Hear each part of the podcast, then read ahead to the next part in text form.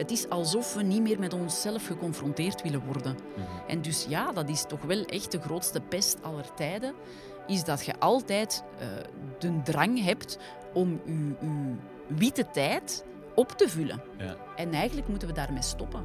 Het, er is niks mis mee, maar eh, we doen dat ook elkaar aan. Hè.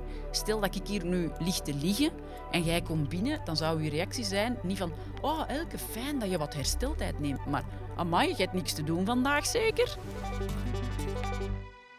Dit is Doendenkers, een podcast van Knak Weekend, waarin vier inspirerende denkers ons een blik gunnen in hun hoofd. Gesprekken dus met gepassioneerde doeners en denkers. Met mij, Rick de Bruiker. Het afgelopen jaar hebben de journalisten van Knak Weekend heel wat van die doeners en denkers voor hun neus gehad. En sommige van die gesprekken zijn blijven hangen. Hallo, ik ben Nathalie Leblanc, journaliste en coördinator bij Knak Weekend. Ik interviewde professor Elke van Hoof over de psychologische impact van de coronapandemie.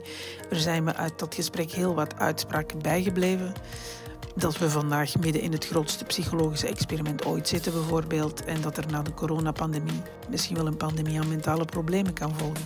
Maar wat ik vooral onthouden heb, is dat dit misschien wel het moment is om te leren uit deze crisis en om op een andere manier te gaan kijken naar mentale problemen. En ik heb in de loop van het laatste jaar dan ook nog vaak aan ons gesprek teruggedacht. Elke van Hoof is klinisch psycholoog en professor aan de VUB in Brussel. Al bijna 20 jaar bestudeert ze stress, burn-out en trauma en helpt ze mensen hun veerkracht terug te vinden. Sinds 2020 staat haar telefoon rood gloeiend. Niet alleen gewone mensen en bedrijven, maar ook de overheid kwam in deze crisis bij haar aankloppen. Ze werd voorzitter van een werkgroep rond de mentale impact van corona binnen de Hoge Gezondheidsraad. Het afgelopen jaar sloeg ook bij elke zelf het noodlot toe en moest ze na een hartoperatie zelf op zoek naar haar eigen veerkracht. We hebben een gesprek over stress op het werk, over de vierdagenweek als oplossing en over de onvoorziene gevolgen van corona voor ons mentale welzijn. Dag Elke van Hoof, bedankt om langs te komen. Met plezier. En uh, ik heb je nog eens uit jouw uh, kot gelokt, want we zitten allemaal nog steeds achter het bureau thuis. Thuiswerkplicht, het is een ding. Hoe ga jij ermee om? Ja, op een heel andere manier als de meerderheid van de Belgen. Als expert maar ook als klinisch psycholoog mhm. ervaar ik die ophokplicht niet zoals anderen. Als mhm. psycholoog zie ik nog altijd patiënten, dus ik ga ook gewoon nog altijd naar de praktijk. Ja. Ook hè, sinds de start van de pandemie. Uh, maar ook als expert word ik wel nog hier en daar verwacht. Mhm. Wat prettig is, want dan mag ik inderdaad ook, hè, dat geeft mij een gevoel van vrijheid. Maar ik herinner mij bijvoorbeeld ook maart 2020 als zo echt die apocalyptische hè, thuiswerk en mhm, alles mhm. toe. Ja, dat het verlaten straten, verlaten straten, daar als enige op rijden. Ja, dat was fenomenaal. Uh, dus voor ons is dat een heel andere sensatie als expert en we moeten daar beducht voor zijn. We moeten mhm. alert zijn dat wij niet dezelfde frustraties hebben, niet dezelfde gevoelens van isolatie als mensen die echt ja, opgehokt thuis zitten. Ja, ja, ja, ja. Want op zich thuiswerk, het is wel een van jouw stokpaardjes, je bent een grote thuiswerk Ja, ik ben een grote thuiswerkfan, maar eigenlijk alleen als het goed georganiseerd is. En dan het hybride werken, zeggen we van werken op het werk en dan vooral inzetten in samenwerking, mhm. eh, overleg. Daar de vergaderingen Daar de vergaderingen, daar de ontmoetmomenten, vooral inzetten op verbinden en, en maken dat we één team zijn. En dan thuiswerk voor focus, voor vooruitgang, voor eventueel in kleine teams te werken. En ik voeg daar eigenlijk altijd graag een derde poot aan toe, het tribride werken. Mm -hmm. zodanig dat je niet alleen op het werk en thuis, maar ook buiten. In de natuur elkaar kunt ontmoeten. Want we missen die momenten van serendipity. Mhm. Die toevallige ontmoetingen hè, die we dan associëren met koffiemachine, uh, die zijn nu wat minder.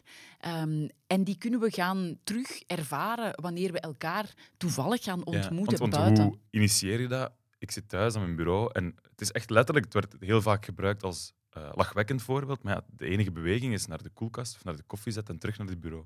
Dus hoe initieer ik in godsnaam een toevallige ontmoeting? Of het zou een kat of hond moeten zijn die passeert? Ja, die moeten dus wat gestructureerd worden. Hè. Ja. En dat wil ook zeggen dat uw werkgever u daar het mandaat voor moet geven binnen de werkuren. Dat En klinkt dat, heel officieel. dat klinkt heel officieel. Dat klinkt een beetje raar. Ja. Maar uiteindelijk is het niet meer dan een soort van speed daten. Ehm, en je kan dat dan doen met mensen binnen de organisatie die je nog niet ontmoet hebt. Mhm. Je kan dat ook doen met inspirators, eh, mensen die veel meer weten of kennis hebben Ja. die je in je bedrijf wilt brengen.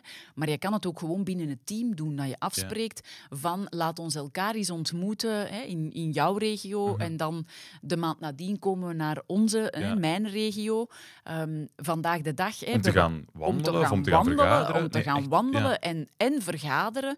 Om eventueel hè, samen wat dingen uit te werken, maar buiten. Dat geeft een andere Mhm. dimensie. Ja. Niet alleen zit je in de natuur, maar je, je, nieuwe, onvertrouwde situaties komt onze werkelijke ik naar boven. En kun je ook niet meer verstoppen. En dat geeft toch wel die echte serendipity-momenten, zoals je dat hebt als je iemand tegenkomt in de koffiemachine, dat je denkt, huh, wie zeg jij? Ik Mhm. Heb je nog niet gezien, wat doe jij hier?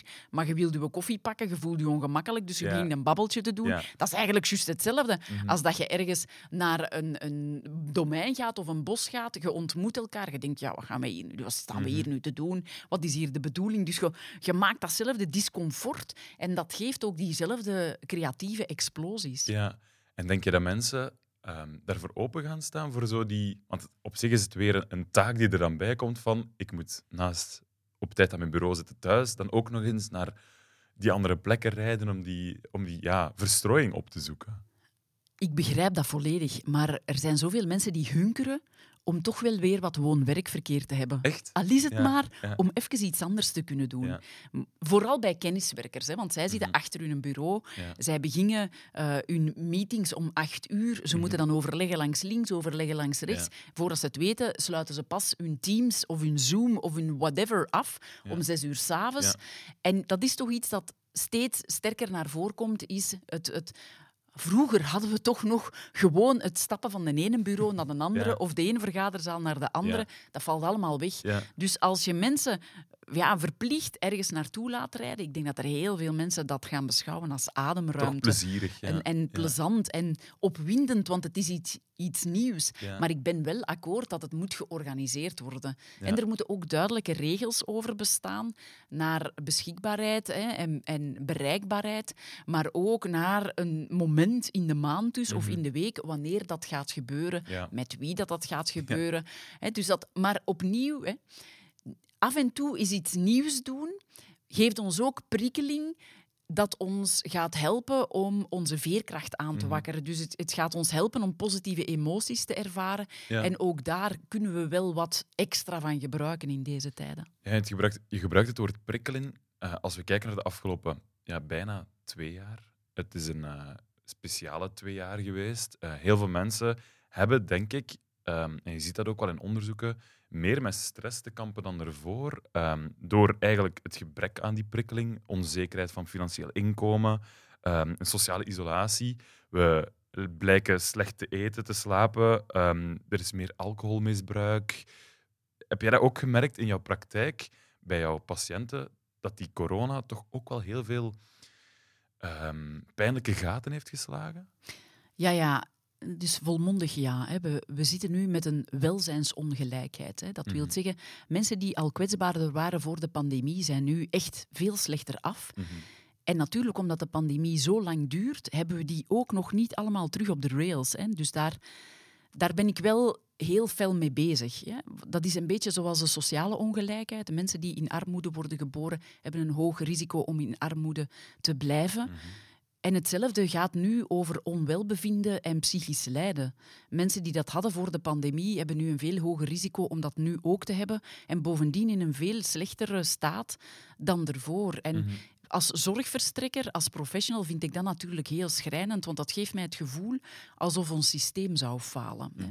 Natuurlijk moeten we dat nuanceren. Het is niet alleen het systeem, het is natuurlijk die grote verrassing van die COVID. Hè. Die heeft ons gegrepen ja, op een plaats Ja. waar dat we het niet hadden verwacht. Eh, dus er zijn wel wat verzachtende omstandigheden.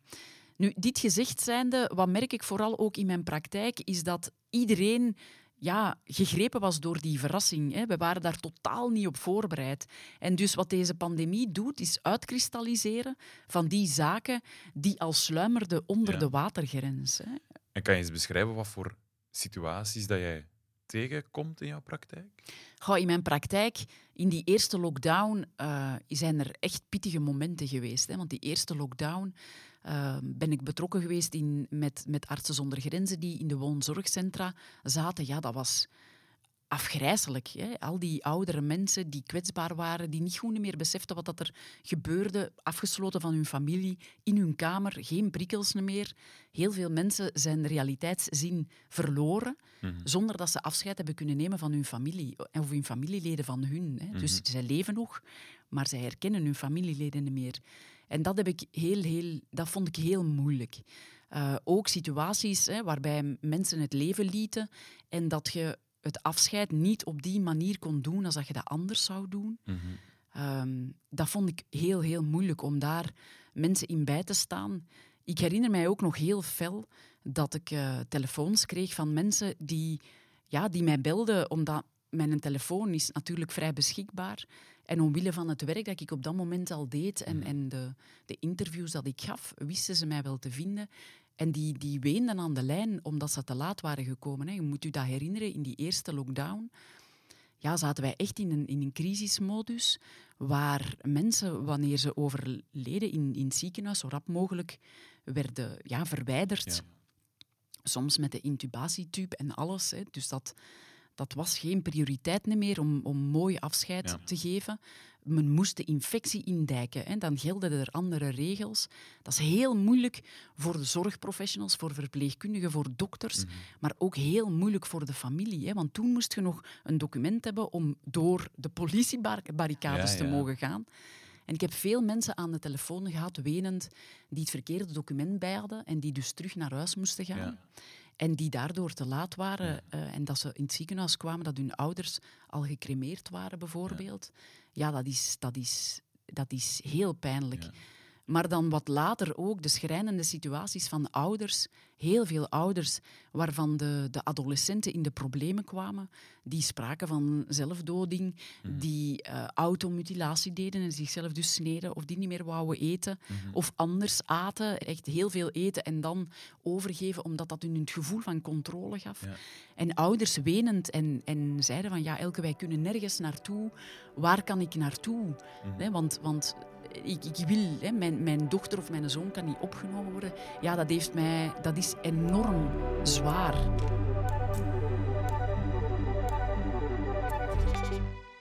Je spreekt daarnet over die, uh, die drie tenten en die derde tent. Gaat dat dan de tent zijn die er het langst zal blijven staan om in die vergelijking verder te gaan?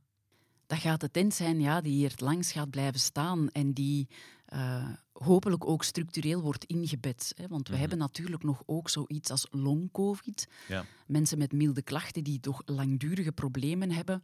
Um, ook, hè, maar ook mensen die iemand verloren zijn. Ja, die zitten nu nog altijd in overlevingsmodus, mhm. maar er komt een punt waarop zij zich zullen ontspannen en dat alle pijn en lijden ook naar boven zal komen. Het, het hebben van die derde tent en het houden van die derde tent op lange termijn, dat is iets heel normaals. Hè? Mhm. Dus dat is zeker niet iets uniek aan deze pandemie. Maar ja, ik hoop dat we ze nog heel lang kunnen houden. De wetenschap vertelt ons trouwens ook dat die tent, dat we die minstens één jaar tot het beëindigen van de pandemie moeten behouden. Ja. En ten tweede dat we bovendien beducht moeten zijn op wat we noemen uitgestelde reacties. En vooral in de zorgprofessionals zien dat zijn dan posttraumatische symptomen? Niet noodzakelijk. Hè. Het is goed dat je dat even aanhaalt, want het is belangrijk dat we dat uiteentrekken. Een uitgestelde reactie is een reactie die komt omdat je eigenlijk in overlevingsmodus, in vechtersmodus zit. Hè. Mhm. Denk aan onze zorgprofessionals. Ja. En, en die vloed van ziekte en dood die door onze ziekenhuizen is geraast hè, in, in het voorjaar 2020. Al onze professionals in de zorg zijn in overlevingsmodus gegaan. Zij hebben nu pas die eerste uitvalsreacties, Mhm. net omdat de overlevingsmodus zo lang, en we kennen dat uit de wetenschap. En dus dat wil zeggen dat zij uitgestelde reacties hebben. Maar dat zijn niet noodzakelijk posttraumatische stressklachten. Dat is ook gewoon een normale reactie van overbelasting. Ons lichaam is natuurlijk niet gemaakt voor een marathon die nooit stopt. Nee. Wij zijn gemaakt voor sprint, voor hoge inspanningen en dan voldoende herstel. Maar als uw sprint een marathon wordt en, en zonder herstelmoment, daar krijg je de rekening van gepresenteerd. Hè. Dus in de zorg zie je nu eind 2021 dat die rekening komt. Dus dat is eigenlijk overbelasting. Ja. En dan heb je posttraumatische stressklachten. Die zijn er zeker ook. En dan vooral zij die heel zwaar geconfronteerd werden met COVID-19. Ik denk aan onze intensivisten of mensen binnen de intensieve zorgen. Ik denk ook aan de mensen van de woonzorgcentra, waar heel veel overlijdens geweest zijn. Ik denk ook aan onze begrafenisondernemers of uitvaartdiensten. Hè, Dus daar, daar gaat mijn hart wel naartoe. Ehm, en dat zijn mensen die langdurig hè, problemen zullen hebben in dysfunctioneren, die flashbacks zullen krijgen en die echt last gaan hebben en waar we moeten alert op zijn, waar we moeten zorgen dat zij niet via onze normale circuits, dus niet in de normale wachtlijsten, mogen terechtkomen, omdat we ook goed weten hoe we dat moeten behandelen. Ja. En dan heb je natuurlijk een derde groep. Dat is een fenomeen wat we noemen languishing. Dat is een heel mooi Engels woord. Ja. In het Nederlands noem- kunnen we dat goed vertalen als verwelken. Wij zijn eigenlijk allemaal een beetje aan het verwelken. En de ene moment voelen we dat al wat meer dan de andere. En bij de ene is dat omwille van een andere reden als bij iemand anders. Bijvoorbeeld, zij die ophokplicht hebben en alleenstaande zijn, eh, ja, die hebben een gebrek aan sociale prikkels. Die hebben een hele kleine bubbel en wij zijn gewoon niet gemaakt om altijd dezelfde prikkels... We zijn Ja. ook niet gemaakt om alleen te zijn. Dus we hadden enorm veel eenzaamheid in 2020. Dus we hebben ook verwelking door te weinig variëteit in prikkels. Ja, ja. En dat zie je heel fel bij onze jongeren. Ah, ja, Jongeren ja. die moeten experimenteren, dat zijn vlinders. Hè. Die moeten Ja. fladderen van het een bloemetje naar het ander. Hè, afhankelijk van welke leeftijdscategorie. Soms nogal letterlijk. En dat gaat niet meer. En dus dat vriend, hè, wij, wij krijgen daar wat een soort van apathie die zich over ons gaat zetten. Wij worden minder geactiveerd Mhm. om zelf oplossingen daarvoor te gaan zoeken. En weet wel wat dat op, bijvoorbeeld bij de jongeren, wat dat op lange termijn gaat doen?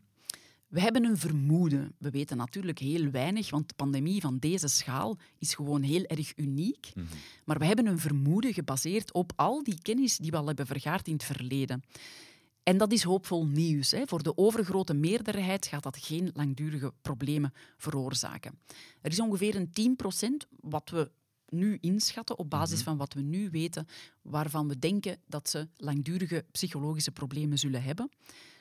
De kunst zal erin bestaan om die te gaan detecteren Ja. en die vooral hun te gaan de hand toereiken. Langs de ene kant zijn het eh, heel intense tijden, intense dagen voor eh, mensen die daarmee bezig zijn, met die, met die psychologische hulp te bieden. Langs de andere kant zijn het waarschijnlijk ook enorm leerrijke dagen en momenten. Hoe denk jij dat wij, of hoe denk jij dat die hele coronacrisis de, niet de geschiedenisboeken, maar de psychologieboeken zal ingaan? Ja, als het grootste psychologische experiment. Hè. Ook dat, mijn eh, artikel waartoe ik was uitgenodigd eh, door het World Economic Forum, eh, daar heb ik dat al gezet. Hè. Dit is het grootste psychologische experiment ooit. En ik herinner mij, als dat gepubliceerd werd in april 2020, dat het wat lacherig werd onthaald door mijn collega's. Maar ondertussen is dat ook wel helemaal zo uitgerold. Ja, en soms denk ik wel van, goh, hè, gelukkig maar, hè, want anders was ik misschien uitgelachen geweest. Maar natuurlijk, Ja. anderzijds, ik had het liever wel anders Ja. gezien. Ehm, maar dit zal de boeken ingaan, dat is het grootste experiment ooit. En het grootste bewijs hoe slecht wij voorbereid zijn op snel veranderende omstandigheden. Ja. Wij zijn natuurlijk als mens bijzonder behoudensgezind. Wij willen graag dat de wereld controleerbaar is, voorspelbaar is. Hè. En wij leven sinds de nieuwe technologieën in een wereld die zichzelf stuurt en die oncontroleerbaar is. Mhm.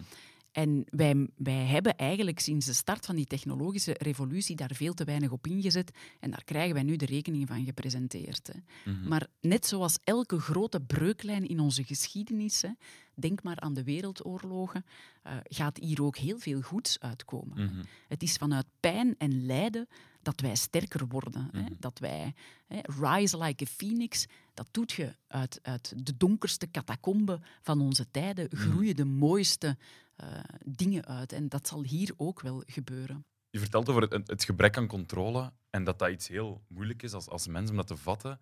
Het is volgens mij, maar spreek me tegen, dat gebrek aan controle is natuurlijk ook wel een van de belangrijkste ehm, voedingsbodems voor stress. Dat is zo. Hè. Het gevoel te hebben, controle te hebben over dingen. Het gevoel te hebben trouwens dat de wereld ietsiepietsie voorspelbaar Mhm. is, is essentieel voor onze veerkracht uit te Mhm. bouwen. Hè. Dat, dat, is, dat is zo. Dus dat wil wel zeggen dat het de afgelopen twee jaar ook gewoon een enorme bron van stress geweest is in onze maatschappij. Ja, absoluut, hè, want iedereen is uit zijn comfortzone getrokken. Hè. Stress is alomtegenwoordig. Nu, stress is ook een container geworden, een vuilbak van van alles en nog Ja. wat. Hè. Dus we moeten daar heel goed eh, definiëren waar we het dan over hebben. Hè. We hebben het dan over onwelbevinden, eh, omdat onze keuzevrijheid is afgenomen, omdat onze perspectieven die we zelf voor ons eigen hebben gecreëerd Mhm. ook zijn afgenomen. Hè, Het is, ik vind het heel mooi. Helmut Lotti zei het onlangs. Hè, Hij zei, we leven eigenlijk in een tijd waar dat we van België naar Zuid-Frankrijk willen rijden, maar van tankstation tot tankstation. En ik wil Ja. dat eigenlijk nog een beetje verscherpen door te zeggen, het is effectief, zoals Helmut Lotti zegt, van, van Brussel naar Zuid-Frankrijk, van tankstation naar tankstation. Maar bovendien, je weet niet, als je op het volgende tankstation aankomt, of je wel moogt vertrekken. Ja. En dat is iets, hè, zo leven met de rem en de gaspedaal in, Mhm. dat is iets waarvoor dat wij echt niet gemaakt zijn. En dus dat geeft heel veel onwelbevinden. Ja. En in, in dat voorbeeld dat jullie geeft van Helmut Lotti, dan weet je wel dat we naar Zuid-Frankrijk rijden, maar weten wij, ik heb soms het gevoel dat mensen niet meer weten wat dat de toekomst zal brengen. We gaan naar een, een nieuwe wereld. Hè? Een Ja. nieuwe wereld waarbij er een extra element is toegekomen. Met name hè, de coronavirussen. Mhm. Dat is iets, iets nieuws. Ja. Net zoals dat, dat was met het internet. Ja. Ik heb dat ook nog meegemaakt. eh, net zoals dat was met de smartphone. Ja. Onlangs hè, was ik met mijn zoon eh, op de zolder en daar stond zo nog een bakelietentelefoon. hè. Met de draaischijf. Met de draaischijf Ja, ja. Hè, en dan met een draad, de horen met een draad aan dat spel. En mijn zoon die, die keek daarnaar en zei, wat, was, wat is dat?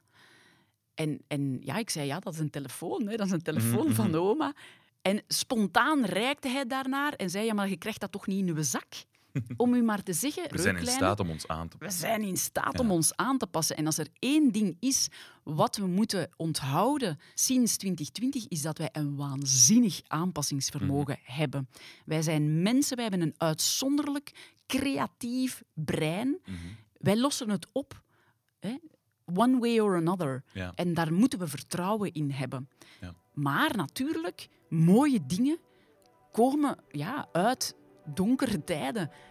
We veranderen maar als het voldoende pijn doet. Ja. En dat willen we eigenlijk niet altijd geweten hebben.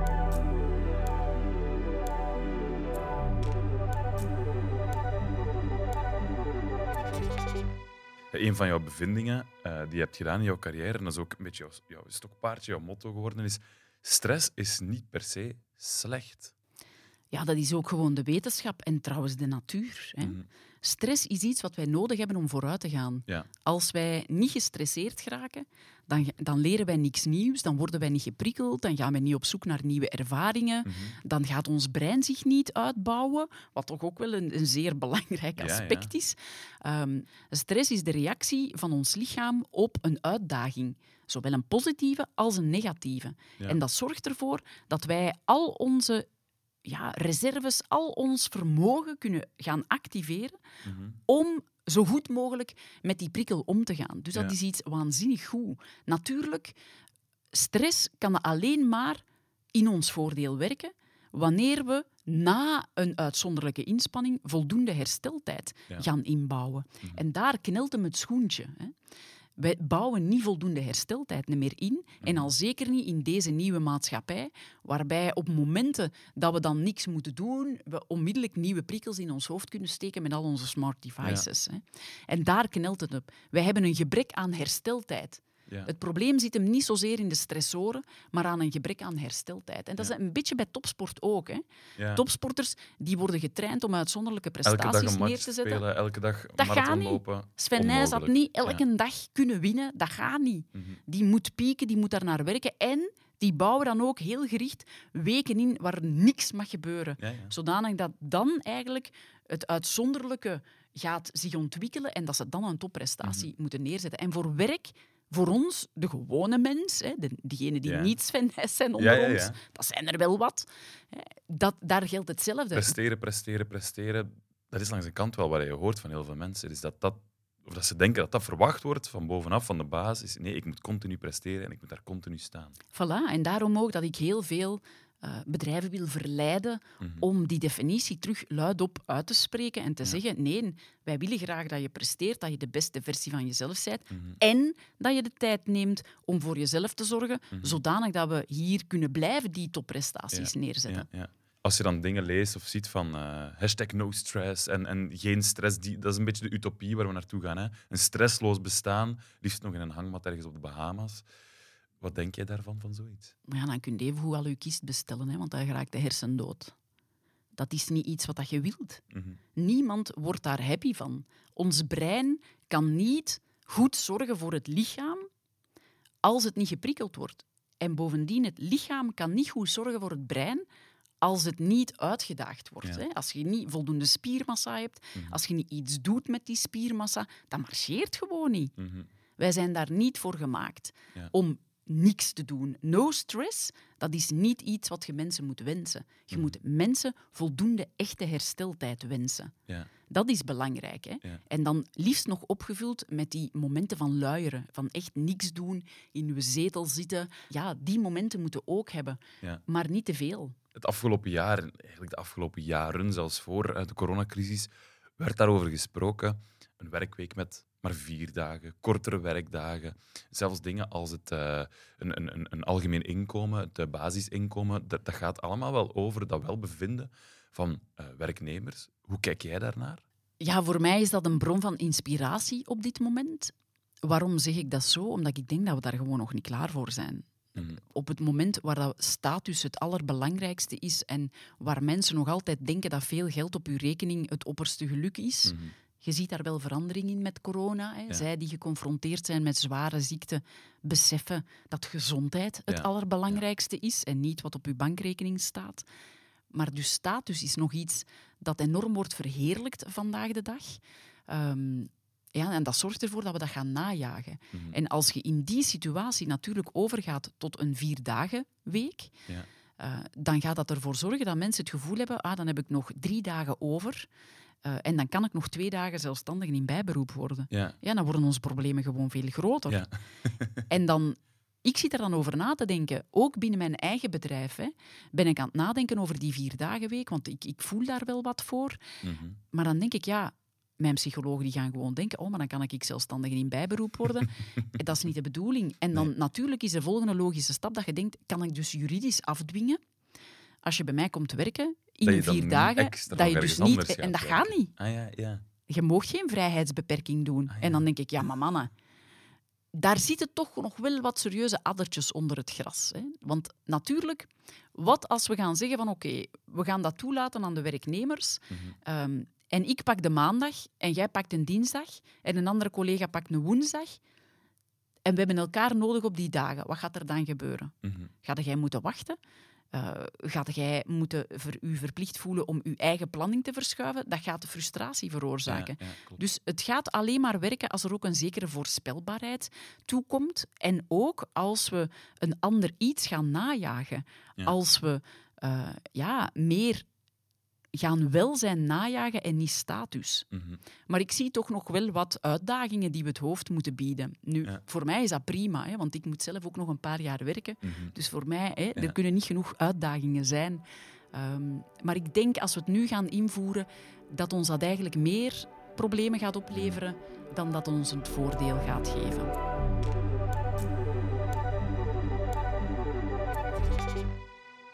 Op dit moment eh, zijn heel veel mensen, denk ik, of hebben het net gedaan, eind van het jaar, goede voornemens. En dan zeggen we allemaal tegen onszelf, En vanaf 1 januari en vanaf maandag ga ik meer sporten. Jij bent zelf iemand met een, ehm, een redelijk strak dagschema. Je, je begint elke dag op dezelfde manier. Hoe, zit dat, hoe, hoe ziet jouw dag eruit?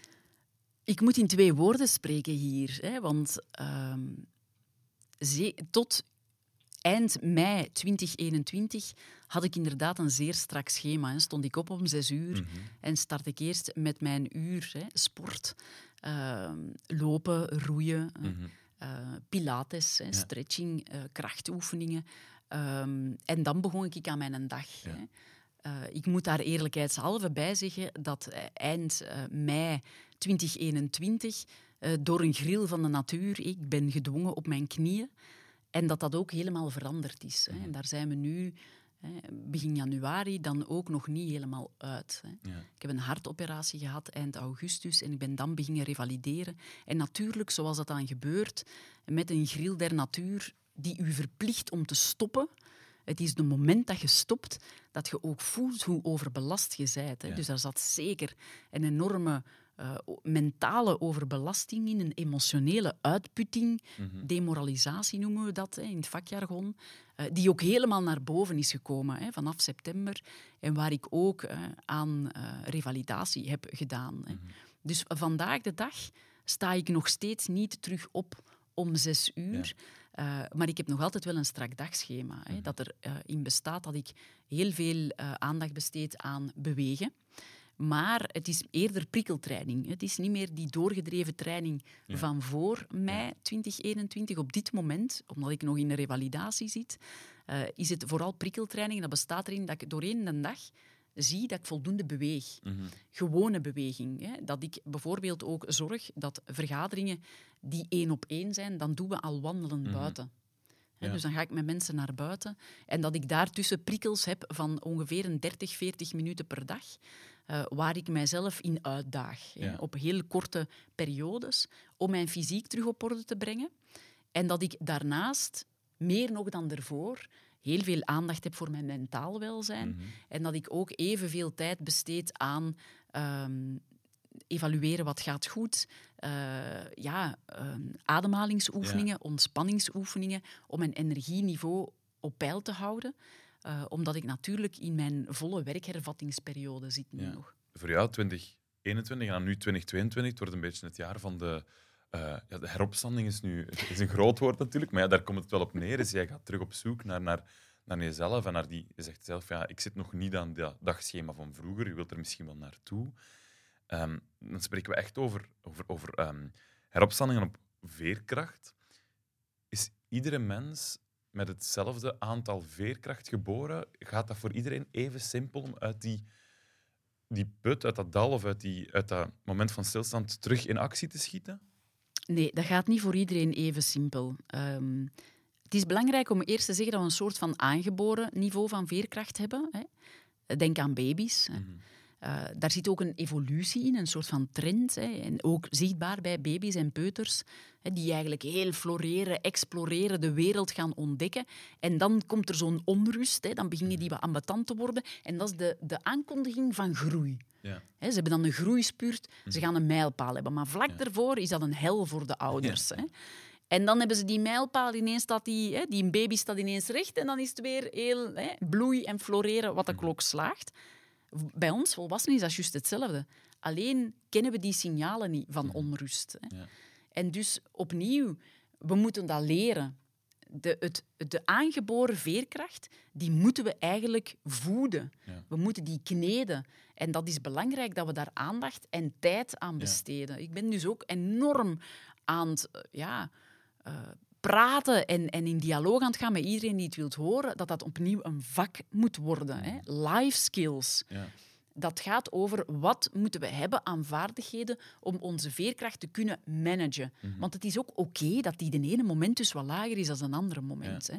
Dus dat is met betrekking tot veerkracht. En dan het tweede element van uw vraag is, is het voor iedereen zo makkelijk om, als ze dan zo'n berg tegenkomen, mm -hmm. om daarnaar te kijken en denken ik raak wel tot boven. Rustig aan. En we gaan van bankje tot bankje. Dat is ook niet zo gemakkelijk. Hè. Dat hangt ook een deel af van hoe je bent opgevoed. Ja. uh, hangt ook een deel af van de warmte hè, van het nest waar je uitkomt, of soms het gebrek aan warmte. Mhm. En hangt ook af van hoeveel hè, er al in je rugzakje zit. Ik, ik, ik ben een luxe wat dat betreft. Hè. Ik heb een fantastisch gezin, een heerlijke man, zalige kinderen.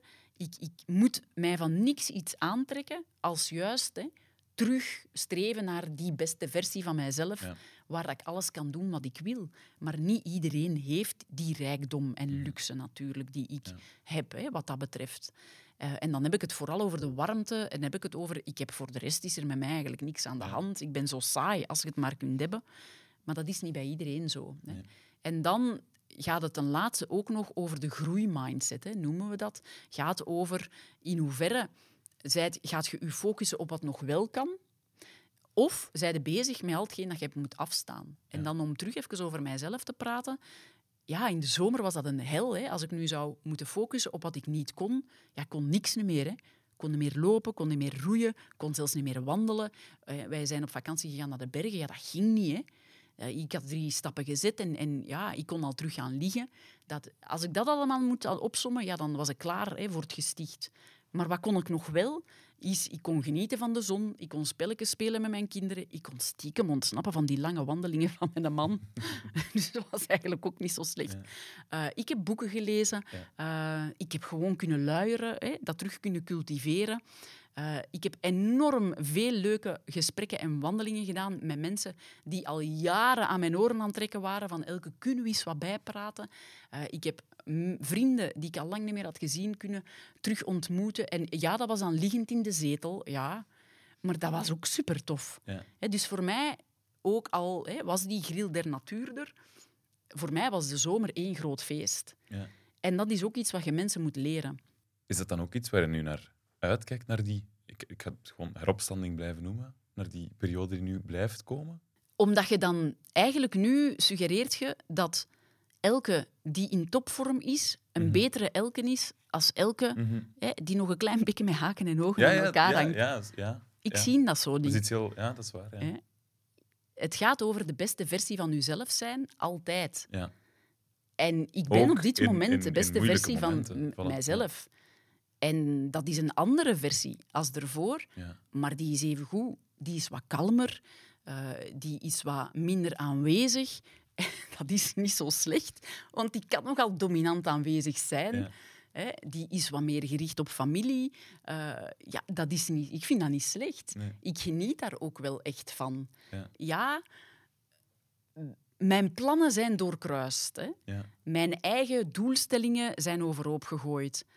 Maar ik heb er ander. Hè. En die zijn even goed. Want nu werk ik aan mijn veerkracht, nu werk ik aan mijn, ja, mijn fundament. Zijnde mijn, mijn gezin, mm zijnde mijn kinderen, mijn man. Hè, want die heeft natuurlijk ook wel eens onderhoud nodig van tijd tot tijd. Ik heb daar nu tijd voor. En dat gaat ervoor zorgen dat dat fundament stevig gaat staan op het moment dat ik weer wil uitvliegen. Mhm. hè dus voor mij is dat een, een, ja, een mooie rit, een mooie reis. En dat is eigenlijk iets wat ik mensen wil aanleren. Van zodra dat je kunt zien wat je nu leert, wat u dat als meerwaarde gaat geven later, dat je een soort van ja, het kunnen ombuigen van uw moeilijke momenten naar iets werkbaars, ja, dan, dan zijt je de meest veerkrachtige persoon die je kunt zijn. En dan kun je heel wat doorstaan.